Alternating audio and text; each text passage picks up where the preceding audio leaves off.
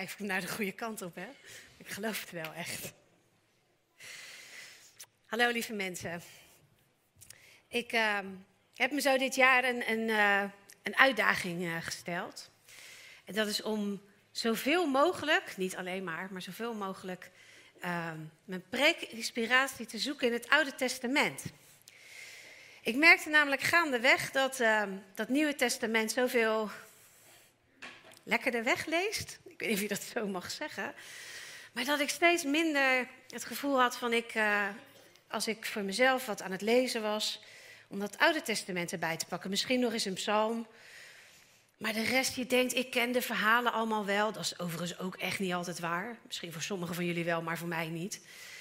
Dan staan er toch weer dingen die ik me echt niet kon herinneren. Maar vaak vind ik het ook gewoon een beetje saai of ik vind de verhalen moeilijk. Dus, uh, dus dit jaar uh, ben ik vooral aan de slag daarmee. En natuurlijk lees je dan ook de teksten die daarbij horen, want dat, die, die twee delen van onze Bijbel zijn zo met elkaar verbonden. Maar ik begin daar. Zo hebben we bij de seniorenwijzer een, een hele serie van preken over Jozef gedaan. En had ik het twee weken geleden over Habakkuk. En vandaag komt mijn inspiratie uit het boek Deuteronomium. Een van de vijf Bijbelboeken die aan Mozes worden toegeschreven. Dat hele eerste begin wat in, het Joodse, uh, in de Joodse traditie de Torah heet. En dat boek Deuteronomium dat bestaat uit drie delen. En in het midden daarvan, de middelste hoofdstukken, zijn eigenlijk een herhaling van de wet. Daar komt het woord Deuteronomium ook vandaan, tweede wet. Daar staan al die wetten die in het Bijbelboek Leviticus opgesomd worden, staan ze eigenlijk nog een keer. Een beetje aangepast en aangevuld. Maar daar komt het eigenlijk op neer. Nou, dat vind ik niet echt de moeite, nou wel de moeite misschien van een preek, maar dat was niet de inspiratie voor vandaag. Maar daarvoor staan er elf hoofdstukken wat een soort preken zijn van Mozes aan een nieuwe generatie. De generatie die straks in het beloofde land, waar ze dan al zo lang naartoe op weg zijn, zullen gaan wonen. En de generatie daarvoor, de, hun ouders en grootouders, voor zover zij ooit meegetrokken zijn uit Egypte, die waren in die hele reis in de woestijn God zo vaak ontrouw geweest. En die preken van Mozes, die zijn eigenlijk de hele tijd een, een aansporing, een, een aanmoediging aan die nieuwe generatie om nu en in de dagen voor en in dat, in dat nieuwe en beloofde land om vooral trouw aan God te leven. En vooral veel trouwer dan dat hun ouders hadden gedaan. Dus hij herinnert ze aan, hun, aan, aan die reis uit Egypte en alles, aan die plagen en nou weet ik alles wat daarmee te maken had. En aan die reis door de woestijn, waar ze al, ik geloof 40 jaar zo'n beetje tegen die tijd, door op weg waren gegaan. En hij herinnert ze steeds aan Gods trouw. En midden in, het, in, in die elf hoofdstukken staat een heel belangrijk vers, de basis. Daarom is, mijn, is dat ook mijn thema vandaag. Terug naar de basis. Het is het meest centrale gebed van, uh, uh, in het Jodendom. Of eigenlijk is het geen gebed, maar een soort geloofsbeleidenis. Toch nog, hè? Nee, daar. In Deuteronomium 6, vers 4 tot 9. Luister Israël, de Heer onze God, de Heer is de enige. Heb daarom de Heer uw God lief met hart en ziel en met inzet van al uw krachten. Dit noemen ze in het Jodendom het Shema. Nou, dat houdt hier op, maar ik lees het stukje wat daaronder staat en erbij hoort nog even met jullie verder. Houd de geboden die ik u vandaag opleg steeds in gedachten. Prens uw kinderen in en spreek er steeds over thuis en onderweg. Als u naar bed gaat en als u opstaat, draag ze als een teken om uw arm en als een band op uw voorhoofd. Schrijf ze op de deurposten van uw huis en op de poorten van de stad. Jezus voegt daar vele eeuwen later nog wat aan toe, namelijk met hart en ziel en met heel je verstand. Daar kom ik straks nog even op terug. En het je naaste als jezelf.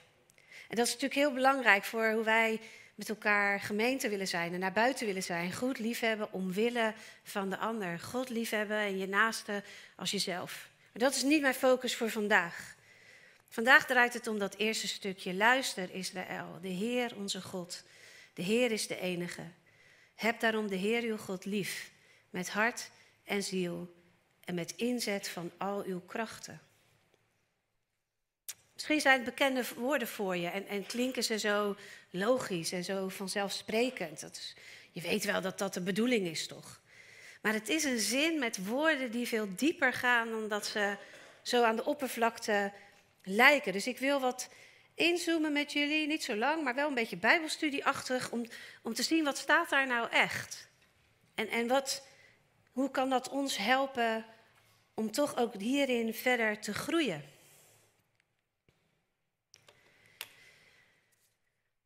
Dan helpt het om wat terug te gaan naar de grondtaal naar het Hebreeuws. Ik spreek het niet, maar je hebt tegenwoordig echt heel erg goede computerprogramma's die je daarbij uh, uh, bij helpen. En die hele zinnen voor je op een rijtje zetten en je helpen om met elk woord naar de diepere betekenis te gaan.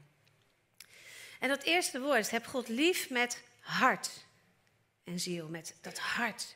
Dat is in de grondtaal lev, of levav wordt het ook uitgesproken. En dat betekent hart tot op zekere hoogte zoals wij dat ook zo bedoelen. We begrijpen allemaal dat het daar niet gaat over dat ding hier van binnen wat klopt en wat het bloed rondpompt in je lijf. Het, het gaat over je gevoel, over het hart wat lief heeft. Maar als wij iets zeggen als volg je hart, luister naar je hart, dan bedoelen we bijna een soort het uitschakelen van je verstand. Toch? Het, het gaat om je hart, om je gevoel volgen. En dat is niet hetzelfde. Maar dat bedoelt lef niet. In het Hebreeuws wordt daar geen onderscheid gemaakt tussen je hart en je denken. Dat hoort allemaal bij elkaar. Lef, je hart, zegt Spreuken 4, is de bron van je leven. Daar staat van alles waarover je waakt, waak vooral over je hart, want het is de bron van je leven. Alles. Je, je gedachten, en je gevoel. Over je denken gaat het, over je verlangens.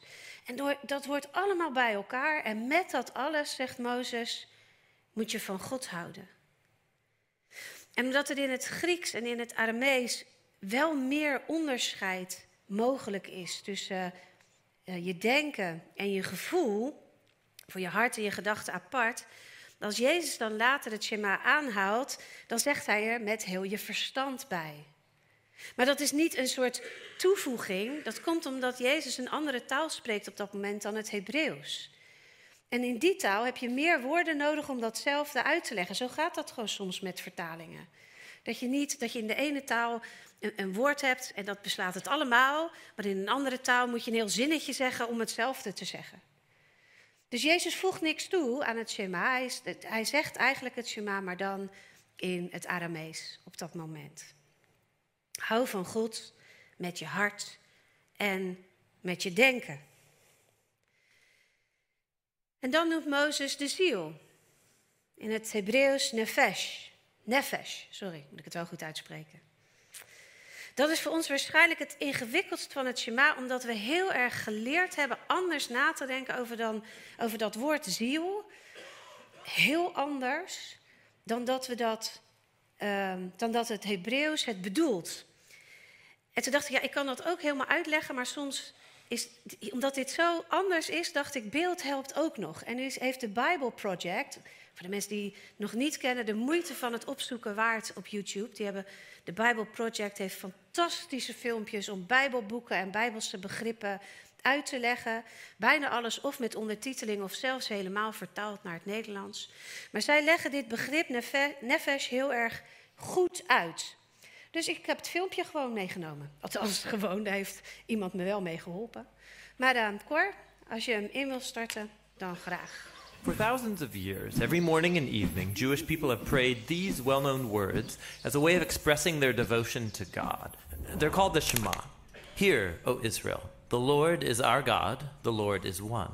And as for you, you shall love the Lord your God with all of your heart, with all of your soul, and with all of your strength. We're going to look at the word soul. The Hebrew word is nephesh. It occurs over 700 times in the Old Testament. The common English translation of this word is soul, and that's kind of unfortunate. Here's why. The English word soul comes with lots of baggage from ancient Greek philosophy. It's the idea that the soul is a non physical, immortal essence of a person that's contained or trapped in their body to be released at death. It's a ghost in the machine kind of idea. This notion is totally foreign to the Bible. It's not at all what nephesh means in biblical Hebrew. The most basic meaning of nephesh is throat. Like when the Israelites are wandering in the wilderness, they're hungry and thirsty, and they say to God, We miss the cucumbers and melons we had in Egypt. Now our nephesh has dried up. Or when Joseph was hauled off into slavery in Egypt, his nephesh was put into iron shackles. But nephesh doesn't only mean throat. Since your whole life and body depend on what comes in and out of your throat, nephesh could also be used to refer to the whole person. Like in Genesis, there were 33 nephesh in Jacob's family, that is, 33 people. In the Torah, a murderer is called a nephesh slayer, and a kidnapper is called a nephesh thief. On the first pages of the Bible, both humans and animals are called a living nephesh. And if the life breath has left a human or animal, the nephesh remains. It's just called a dead nephesh, that is, a corpse. So, in the Bible, people don't have a nephesh. Rather, they are a nephesh, a living, breathing, physical being. Now, that might surprise you. Het filmpje gaat nog verder, dus als je het interessant vindt, dan kan je dat thuis afkijken. En ik realiseer me hier op afstand dat misschien achterin de ondertiteling niet zo goed te lezen was. Dus ook dan kijk me gerust nog eens thuis. Maar heel erg samengevat is een nefesh, de ziel, is niet alleen iets geestelijks. Het is niet dat wat in ons lijf zit en zoals het filmpje ook zegt, wat er weer uitgaat als we overlijden. Het is iets wat bij je lichaam hoort, waar je lichaam bij hoort zelfs. Het staat voor heel je leven. Voor alles. Wij zouden zeggen voor je identiteit. En daar hoort je lijf bij, daar hoort je hart en gedachten bij, daar hoort je gedrag bij, de keuzes die je maakt, je totale identiteit, wie je bent, wie je werkelijk bent. Nefesh. En dan tot slot in het schema staat meot. Met, met inzet van al je krachten. Dat is ook best een ingewikkeld woord, want in het Hebreeuws betekent het gewoon veel. Alleen maar veel. Bijvoorbeeld iemand is heel sterk, dan zegt het Hebreeuws iemand is meot sterk. Of heel slim, iemand is meot slim. Veel. Het hoeft niet te gaan over fysieke kracht. Het kan ook gaan over iemand is heel lief of iemand is heel behulpzaam. Dan staat er overal dat meot. Het is een soort versterkwoord. En in de Joodse traditie wordt het ook wel vertaald met heel je vermogen, in de zin van geld. Met heel je vermogen. Nou, dat zou onze begrotingsuitdaging meteen heel erg oplossen als we ons daar op die manier naar zouden luisteren. Maar letterlijk versterkt het de woorden ervoor. Dus, dus liefhebben met je hart, met je ziel, met je veel daarvan. Heel letterlijk te vertalen is het niet. Maar als je het op een rijtje zet, wordt het dit. Het Shema vraagt van ons of spreekt uit dat je van God, hebt God lief hebt te hebben. Met je lef, wat er in je zit. Met je nefesh, wie je bent, met alles wie je van wie je bent. En met meot, met alles wat je daarvan in kunt zetten. Veel meer alles dan alleen hart en ziel. En ik weet niet hoe het jou vergaat in het leven van alle dag. Mij lukt dit gemiddeld niet altijd. En deze tekst doet me er dan weer aan herinneren om terug te gaan naar deze basis. God is de enige. Hem liefhebben boven alles en met alles. Maar dan rijst misschien wel, oh, de verkeerde weer, de vraag naar het waarom. Waarom vraagt God dit van ons? Waarom wil God dat wij met dat alles, wat nog groter is dan dat we al dachten, van Hem houden? Zo erg graag dat het geen verzoek is, wil je dit alsjeblieft, maar een gebod. Het is wat we moeten doen. Zo staat het er tenminste steeds. Waarom is dat zo belangrijk van God? Heeft Hij onze liefde nodig? Nou, met het laatste te beginnen, nodig is het natuurlijk niet werkelijk. God was er al voordat wij er allemaal waren. God zal er altijd zijn. God is eeuwig. En hij was niet beter, slechter of minder volmaakt toen wij er niet waren. Dus nodig is een te groot woord. God heeft onze liefde niet nodig om te bestaan, om te zijn wie hij is. Maar hij wil het wel. Boven alles. Want liefde is er om gedeeld te worden. Wat is liefde als je het niet kunt geven? En dan theologisch is er zo'n heel verhaal over hoe die liefde stroomt binnen de drie-eenheid die God is. Maar vanuit diezelfde drie-eenheid kwam dat verlangen naar een schepsel. Naar ons. Naar jou. Om van te houden.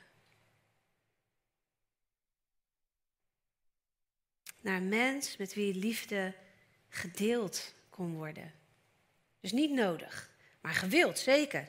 Maar dat beantwoordt niet de vraag waarom het zo nodig is dat wij met alles wat we hebben en wat we zijn van God moeten houden.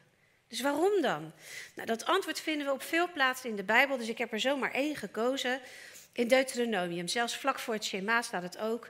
Maar deze tekst komt uit een paar hoofdstukken verder, Deuteronomium 10, vers 12 tot 13. Dat is vlak voordat Mozes al die losse wetten nog eens op een rijtje gaat zetten. Israël bedenkt dus dat de Heer uw God niets anders van u vraagt dan dat u ontzag voor hem toont, dat u de weg volgt die hij u wijst, dat u hem lief hebt, hem met hart en ziel dient en zijn geboden en wetten, die ik u vandaag voorhoud, naleeft, dan zal het u goed gaan.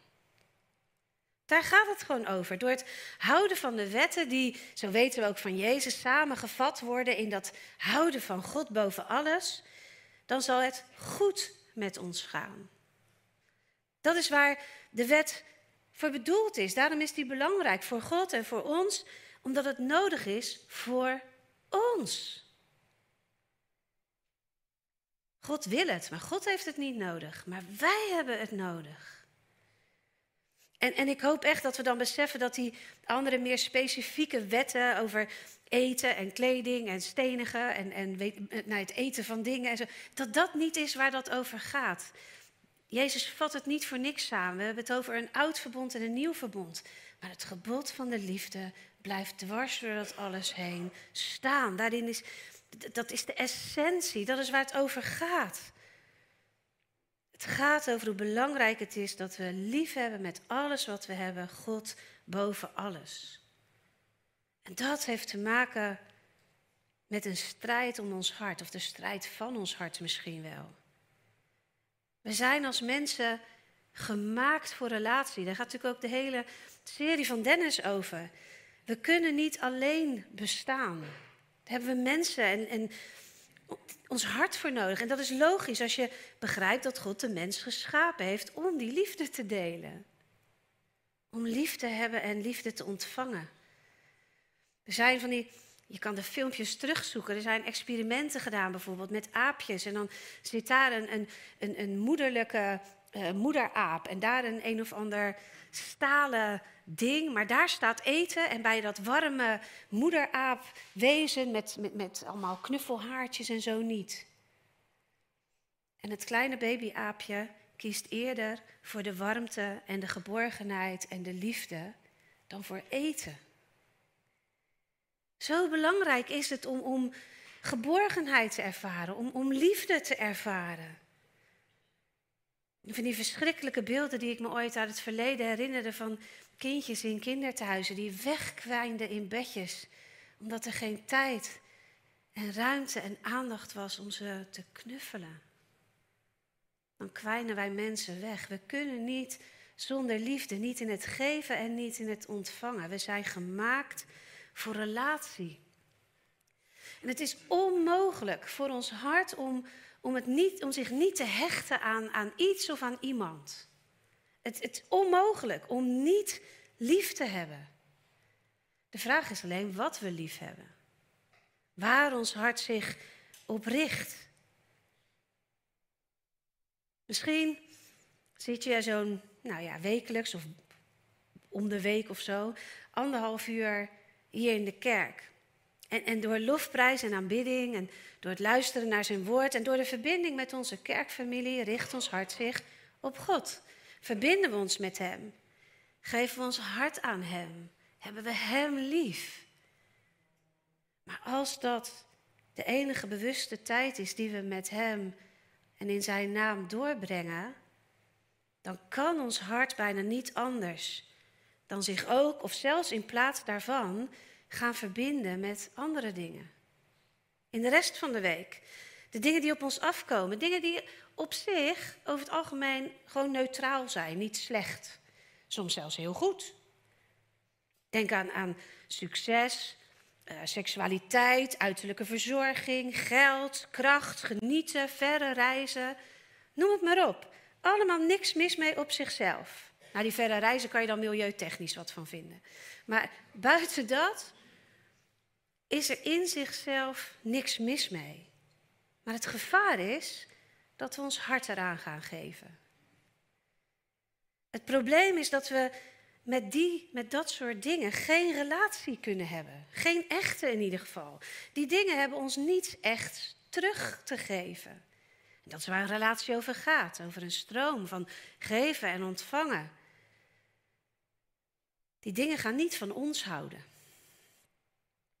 En waar wij dan maar blijven geven en investeren, ontstaat er een soort gat in ons, waarin niks terugkomt.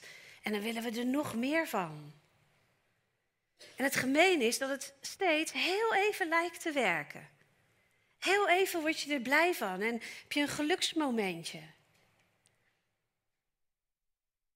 Als je van succes bent gaan houden, dan geeft elke stap op de ladder je misschien even voldoening en trots. Maar het is nooit genoeg. Het gaat zo voorbij en dan heb je meer nodig en de volgende stap. En voor je het weet ben je bereid keuzes te maken die niet veel meer met liefde te maken hebben. Om er meer van te krijgen. Dat geldt ook voor geld. Geld is natuurlijk prima. We hebben het ook nodig in deze wereld. Er is ook niks mis mee om er veel van te hebben. Je mag je gelukkig prijzen als het zo is. Maar het moment dat je hart eraan verbonden raakt, krijgt het macht over jou. Jij gaat dingen doen om er meer van te krijgen en steeds even blij als dat lukt. Maar je hebt steeds meer nodig om je vervuld te voelen. En, en onbewust word je ook dan steeds meer bereid keuzes te maken die niet veel meer met liefde te maken hebben. En het hoeven nog niet eens per se gemene keuzes te zijn, maar gewoon keuzes die niet verbinden, die relaties geen goed doen, die de liefde niet bevorderen. En dan wordt het gat alleen maar groter. Dat geldt voor die voorbeelden, maar nog voor zoveel meer. Het is goed om je uiterlijk te verzorgen. Dat is helemaal prima. Maar als al je geld en energie en keuzes gaan zitten in, in je uiterlijk onderhouden en beter maken, omdat je bang bent dat er anders minder van je gehouden wordt, dan ontstaat het gat en het wordt alleen maar groter. Als seksualiteit niet of niet meer alleen is om je intiem te verbinden met je, met je geliefde, maar als het steeds meer gaat om de seks en het genot ervan, als dat is waar je, je hart en je hoofd en je gedachten en je wezen en je keuzes zich op gaan richten, dan leidt dat, of kan dat leiden, tot dingen als vreemdgaan of pornoverslaving. We kunnen ons niet niet verbinden. En als we ons verbinden aan de verkeerde dingen, aan wereldse dingen, dan bevorderen we in ons leven en in dat van anderen alles wat niet met liefde te maken heeft. En als we ons maar anderhalf uur per week richten op God en alle andere uren de machten van de wereld aan ons trekken, dan is het gevaar dat we die strijd verliezen heel groot. Niet de ultieme strijd van de kosmos, die is al gewonnen. Dat heeft Jezus al gedaan. Maar in ons eigen leven leven we dan niet de liefde waartoe God ons roept, waartoe God jou roept. Tom Wright, een bekend theoloog, legt het begrip zonde ook juist op die manier uit. We zijn gemaakt voor een relatie met God. En het moment dat we ons hart niet aan Hem verbinden, maar verbinden met dingen van de wereld, dan geven we kracht aan een soort, hij noemt het bovennatuurlijke machten in onze kosmos. De, Bijbel en het Oude Testament, in, nog veel sterker dan het Nieuwe, noemt dat de afgoden. En dat is niet onze roeping, dat is niet onze bestemming. En dat is het in het Oude Testament steeds gebeurt en ook in die woestijn. Waar Mozes staat als hij deze dingen zegt. En het is ook waar Paulus het later over heeft. Bijvoorbeeld in de Efezebrief. Oh, die staat er ook niet op. Sorry. Die heb ik alleen hier. Onze strijd is niet gericht tegen mensen, maar tegen hemelse vorsten. De heersers en de machthebbers van de duisternis. Tegen de kwade geesten in de hemelsferen. En het gaat daarin misschien niet om werkelijk bewuste wezens. Daar kun je het over hebben met elkaar. Daarin kan je van mening verschillen. Maar er zijn krachten in, in, in ons universum die uit zichzelf geen kracht of macht hebben. Het zijn zeker geen goden, want God is de enige. En ze zijn ook in werkelijkheid al lang door Jezus, het werk van Jezus verslagen. Maar als wij ons aan hen verbinden, krijgen ze weer kracht. En ik geloof dat dan voor die krachten, als ik het zo maar even noem, hetzelfde geldt als in die wisselwerking voor ons. Ook voor die kracht is het steeds maar een soort quick fix. Een, een even kracht krijgen als wij ons hart aan hen verbinden. En dus gaan die krachten steeds meer aan ons trekken, want ze hebben meer van ons hart nodig om kracht te zijn. Om macht te hebben. En het moment dat we daarmee stoppen, het moment dat we ons hart ervan losmaken, hebben ze echt geen werkelijke macht of kracht meer. Maar stoppen zonder je hart aan iets anders te verbinden lukt niet of niet lang. Dat zeggen ze ook vaak als je een, een, een gewoonte wil doorbreken in je leven. Het lukt niet om ergens gewoon mee te stoppen, je moet het vervangen met iets anders. Dat is vele malen effectiever. Dat geldt hiervoor ook. We kunnen niet niet lief hebben. Dus als we willen stoppen met houden van iets wat ons niet helpt, moeten we ons hart verbinden aan iets wat ons wel helpt. Dan moeten we terug naar de basis, naar de liefde. Houden van God met alles wat je hebt en alles wat je bent. En ook daarin vinden we zoveel terug bij die Paulus, die het steeds heeft over onze identiteit. Nefesh in Christus. En het lastige van dit hele gebeuren is dat het natuurlijk allemaal niet zo bewust gaat. Die strijd in en om ons hart. Ik denk dat als ik aan ieder van jullie zou vragen of er dingen zijn in je leven waar je toch eigenlijk echt meer van houdt dan van God zelf, dan zeg je nee. God boven alles toch? Vanuit je denken geloof ik ook dat het voor ons allemaal waar is. Dat dat is hoe we willen leven. God boven alles. Er is niks in mijn leven waar ik meer van hou. Maar toch, in het dagelijks leven, ook in mijn dagelijks leven, zijn mijn hoofd en mijn hart en mijn gedachten niet de hele tijd op God gericht. Soms winnen de dingen van de wereld even. Ik zou willen dat het anders was, maar het lukt me niet altijd. Soms heb ik toch te veel macht gegeven, te veel kracht gegeven aan de dingen van de wereld. Al zou ik het niet willen. Ergens heb ik hen dan toch belangrijker gemaakt, liefde gegeven en verwacht ik dat daar toch iets van terugkomt. Daarom is en was dat even uiteenpluizen van dat Shema zo belangrijk. Want als we gewoon zeggen dat we God lief hebben boven alles, dan bedoelen we over het algemeen het gevoel van liefde. Of de bewuste keuze voor Hem. En, en als we zo over liefde nadenken, dan is God boven alles. En dat, dat lukt ons wel. Maar het Shema heeft het over veel meer dan alleen je hart. Over je hele zijn altijd je lef, je nefes met meld. echt alles. En het lukt gewoon niet altijd, de hele tijd. Wat kan het ontzettend belangrijk voelen om die promotie te krijgen? Wat kun je verlangen naar meer geld? Om er meer, misschien zelfs wel om er goede dingen mee te doen hoor, dat kan allemaal prima. Hoe kun je verstrikt raken in, in de leugen dat als je mooier of dunner of rijker of socialer of zelfs dienstbaarder bent, dat je dan geliefder zult zijn? Hoe gemakkelijk is soms de keuze voor een serietje kijken in plaats van even stil zijn bij God? Of je telefoon. En dan is het antwoord, of beter gezegd Gods uitnodiging, om terug te keren naar de basis. Steeds opnieuw, niet voor niets beginnen Joodse, gelovige Joodse mensen elke dag met het uitspreken van het Shema. Elke dag. En veel meer dan een gebed is het een geloofsbeleidenis. Een bekrachtiging van hoe je in de dag wil staan, een statement.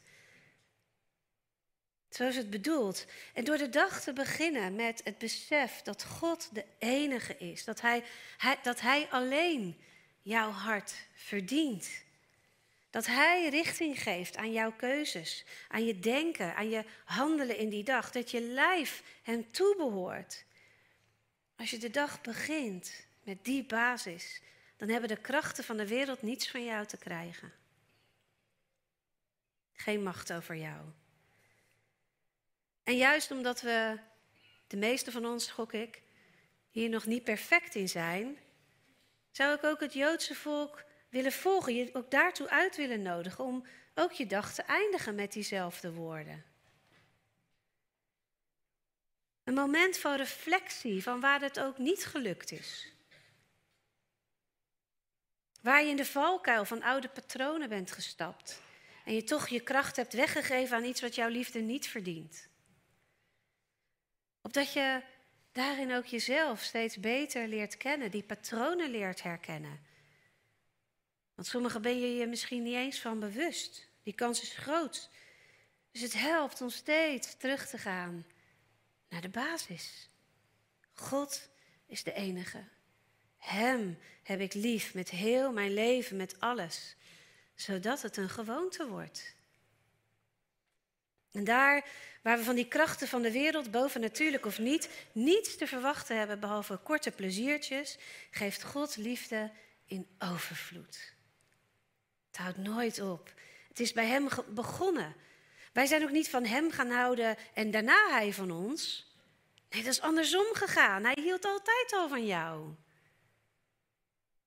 Het gat is al gevuld met Zijn liefde. Het is Zijn liefde die wij beantwoorden. En als er een gat in je is ontstaan doordat je je liefde weggegeven hebt aan iets wat niks teruggaf, staat God klaar om het zo weer allemaal in je uit te storten. Elk moment van elke dag opnieuw. God heeft jouw liefde niet nodig, maar hij verlangt er wel naar. Hij heeft je ervoor geschapen omdat hij vreugde vindt in het delen van zijn liefde. Maar bovenal weet hij als geen ander hoe jij het nodig hebt om je hart, je hele leven, met alles wat je hebt, op Hem te richten. Jij hebt het nodig om van Hem te houden en, en Hem van jou te laten houden. In een oneindige cirkel van geven en ontvangen, want liefde is eeuwig. Dus mijn uitnodiging aan jou vandaag, de, de preek in de praktijk voor deze week, zo je wil. Begin deze week is elke dag met die woorden uit Deuteronomium. Spreek het hardop uit. De tekst in Deuteronomium zegt, we hebben hem net gelezen, het laatste stukje. Prent uw kinderen in, spreek er steeds over, thuis en onderweg. Als u naar bed gaat en als u opstaat, draag ze als een teken om uw arm en als een band op uw voorhoofd. Schrijf ze op de deurposten van uw huis en op de poorten van de stad. Nou, ik ben blij dat we dat niet heel letterlijk allemaal hoeven nemen, want anders zitten we volgende week allemaal heel bijzonder in de kerk. Maar je begrijpt de boodschap. Heb het bij je. De hele tijd. Herinner je jezelf eraan. In ieder geval aan het begin van de dag en aan het eind van de dag. Maar misschien zet je het nog wel in je telefoon als een extra herinnering. Of wees creatief, hang het op je spiegel of leg een briefje op je bureau. Maar kijk eens wat het doet met je week. Als je meer dan alleen vandaag stilstaat bij luister. De Heer onze God. De Heer is de enige. Heb daarom de Heer uw God lief met hart en ziel en met inzet van al uw krachten. Verover je hart terug waar dat nodig is en geef het steeds opnieuw aan Hem. Amen.